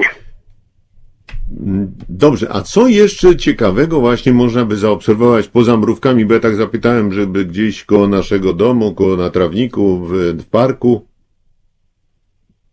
No w tej chwili niestety coraz mniej można zaobserwować, zwłaszcza w mieście. Do niedawna jeszcze było sporo czmieli, jeszcze parę lat temu. W tej chwili już jest ich bardzo mało, ale o tej porze na przykład e, można zaobserwować takie duże, głośno buczące samice czmiela. To są królowe, młode królowe, które przezimowały, bo w przeciwieństwie do mrówek czy pszczół, czmiele mają e, jednoroczne gniazda. To znaczy na wiosnę taka młoda królowa musi znaleźć miejsce, założyć gniazdo, ono się będzie rozwijało do końca, no do jesieni, natomiast na jesieni y, wychodzą z niego młode samice, no i samce. Z tym, że samce też po połączeniu się z królowymi giną, natomiast zimują same królowe. I właśnie w tej chwili one są na tym etapie, że mm, jeszcze szukają tych miejsc y, na założenie gniazda, także jeżeli y, nie będzie za dużo koszenia trawników i będzie, będą miały co jeść jeszcze znajdą jakieś właśnie miejsce takie, gdzie mogą się gdzie mogą założyć gniazdo, no to będziemy mieli czmiele. Y, Pani y, doktor, bardzo serdecznie dziękuję Pani za bardzo ciekawe rzeczy, ciekawą opowieść. Y, Dziękuję bardzo. Teraz poprosimy, poproszę realizatora o przełączenie, bo mamy jeszcze jednego z Państwa studentów. Chciałbym jeszcze chwilę poświęcić rozmowie ze studentem, także dziękuję Pani serdecznie Dziękuję bardzo. za ciekawe opowieści i za chwileczkę wracamy. Poprosimy o chwilę muzyki. Halo Radio, wracamy do rozmowy o owadach. Przed, tutaj przed chwileczką mieliśmy okazję rozmowy z panią profesor y, Ewą Joanną Godzińską, z panią y, doktor y, Anną, z panią, przepraszam bardzo, z panią Joanną, Anną Szczuką i teraz mamy studenta, pana Kaspra Jerzego Piwowarka. Tak jest. Proszę pana, słyszymy się? Dzień dobry. Dzień dobry, dzień dobry, witam bardzo serdecznie. Dzień, dzień dobry. Proszę powiedzieć, na czym polega Pana udział w badaniach owadów? Co Pan bada? Y, Przede wszystkim w aktualnym momencie pomagam pani Godzińskiej w badaniach na temat y, y, misji ratunkowych u mrówek. Dlaczego? Ponieważ mrówki w momencie, kiedy jedna z nich zostanie uwięziona i nie może się wydostać, organizują akcję ratunkową, starając się wydostać ją z zagrożenia. Aktualnie Jak taka akcja wygląda? Jak, jak taka akcja wygląda? Przede wszystkim akcja wygląda w taki sposób, że mrówki najpierw okrążają y, mrówkę robotnicę najczęściej, która została uwięziona, na przykład w paszczy y, mrówko lwa, albo została czymś przygnieciona, albo uległa przyklejeniu do czegoś i nie może się wydostać. Następnie próbują powoli się zbliżać i oddalać, aby ocenić potencjalne ryzyko i niebezpieczeństwo. Cały czas wchodzą ze sobą w interakcję, a jednocześnie próbują na przykład albo kopać, żeby wykopać uwięzioną mrówkę, albo czy to szarpiąc ją żuwaczkami za czułki, czy za odwłok, wyciągnąć ją, albo ewentualnie, jeżeli nie wiedzą co zrobić, zaczynają z nią prowadzić albo trofalaksję, albo zaczynają ją obmacywać czułkami, co najprawdopodobniej może zarówno służyć samemu zbadaniu sytuacji, ale też może służyć dodaniu jej otuchy, żeby zmniejszyć jej stres, żeby sama, y, żeby akcja mogła przejść lepiej. No to fachowi ludcy ratownicy stosują bardzo podobne metody, tylko że oni się tego też uczą na specjalnych kursach. Dokładnie. Przypadku mrówek nie jesteśmy w stanie do końca stwierdzić wciąż ile, nie tylko w przypadku mrówek, w ogóle w przypadku owadów wciąż e, ulegamy tej skrajnemu redukcjonizmowi, uznając je tylko i wyłącznie za automaty.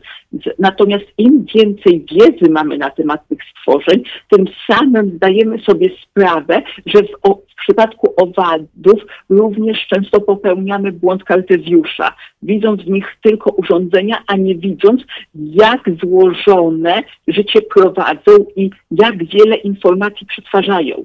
I w przypadku na przykład zachowań ratunkowych, ja na przykład w tym momencie yy, przed wybuchem pandemii zajmowałem się analizą nagrań z eksperymentów, na których symulowaliśmy yy, tak, tego typu reakcje, która polegała na tym, że braliśmy jedną z mrówek, umieszczaliśmy ją na przykład, yy, podłączaliśmy ją do papierka, który przykrywaliśmy piaskiem, który symulował pułapkę, w którą mrówki wpadły.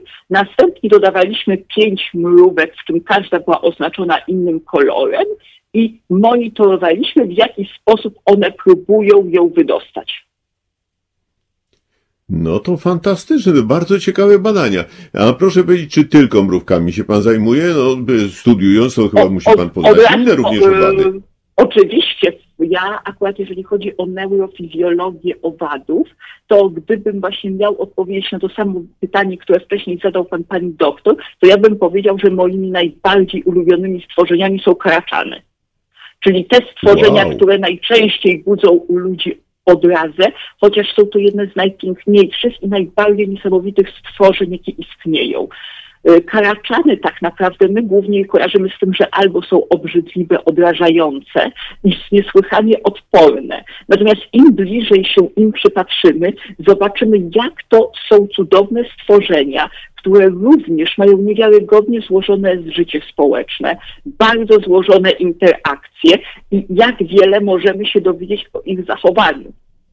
Dodam jeszcze, że karaczany modliszki i termity są ze sobą znacznie bliżej spokrewnione niż z innymi owadami. I termity to są tak naprawdę społeczne kraczany.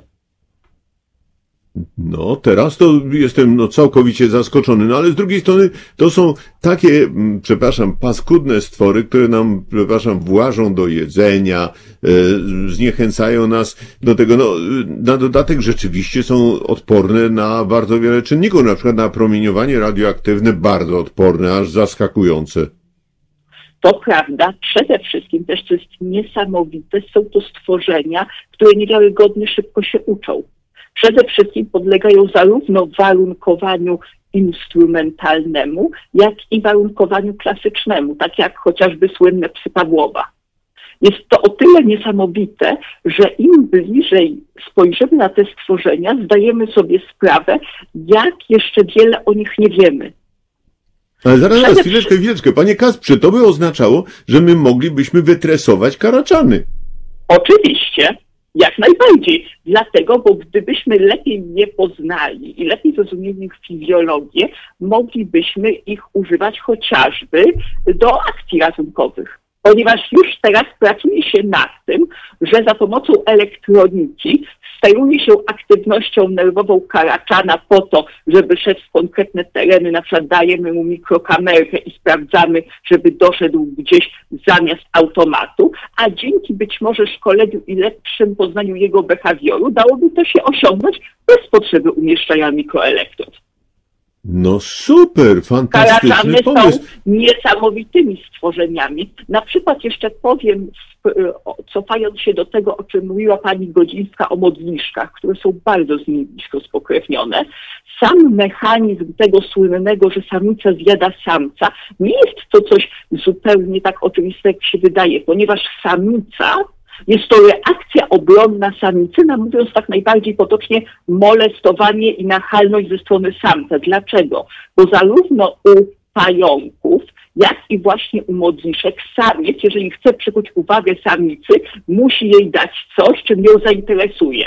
Na przykład dać jej y, upolowaną zdobycz, którą prezent, zachęci do prezent. siebie. Dokładnie. Musi jej ofiarować prezent. I no nie, widzę, że w takim razie, ponieważ zbliżamy się, zbliżamy się do końca programu, musimy już kończyć, bo studio musi zostać e, wydesynfekowane, tak żeby było gotowe na przyjęcie kolejnych gości i kolejnego prowadzącego. Więc ja ogromnie dziękuję, ogromnie dziękuję panu Kasprowi Jerzemu, e, piwowarkowi, y, który opowiedział, no to po prostu rzecz niesamowite. Już widzę te y, tresowane karaczany z tymi kamerkami, no mm, ale to jak to byłoby niebezpieczne, to wojsko przeciwne nam wysyła takie karaczany i podgląda nas w okopach albo Powiem, gdzieś w jakimś innym ukryciu. Dodam jeszcze na zakończenie, że ja przede wszystkim dlatego zajmuję się, mimo że teraz właśnie zajmuję się mrówkami, ja najwięcej czasu spędzam, ponieważ my mamy w Instytucie zarówno karaczany Argentyny, brytyjskie, jak i karaczany madagaskarskie. Natomiast powiem, że karaczany są fenomenalnymi zwierzętami do obserwacji, bo często są sprzedawane jako zwierzęta karmowe. A ponieważ bardzo łatwo się hoduje, bardzo łatwo można y, budować dla nich proste schronienia, są fenomenalnym materiałem do obserwacji. Bardzo Nie ma serdecznie panu dziękuję. do obserwacji niż karaczany. Bardzo serdecznie y, panu dziękuję. Ja dziękuję. dziękuję. Wszystkim Państwu entomologom dziękuję Pani Profesor Ewie Joannie Godzińskiej, Pani e, Annie Szczuce i oczywiście Panu Kasprowi Jerzemu Piwowarkowi. E, mam nadzieję, że e, kiedyś zechcą Państwo jeszcze raz odwiedzić nas. No mam nadzieję, że już bezpośrednio w studiu w Halo Radio, gdzie będziemy mogli znów porozmawiać o tych niezwykłych stworach, jakimi są owady. Dziękuję Państwu bardzo. Do miłego usłyszenia za tydzień o tej samej porze.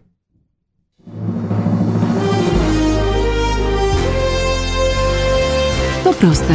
Żeby robić medium prawdziwie obywatelskie, potrzebujemy Państwa stałego wsparcia finansowego. Szczegóły na naszej stronie www.halo.radio, w mobilnej aplikacji na Androida i iOS-a oraz na koncie Fundacji Obywatelskiej w serwisie www.patronite.pl. Naszym darczyniom i darczyńcom serdecznie dziękujemy. www.halo.radio. Słuchaj na żywo, a potem z podcastów.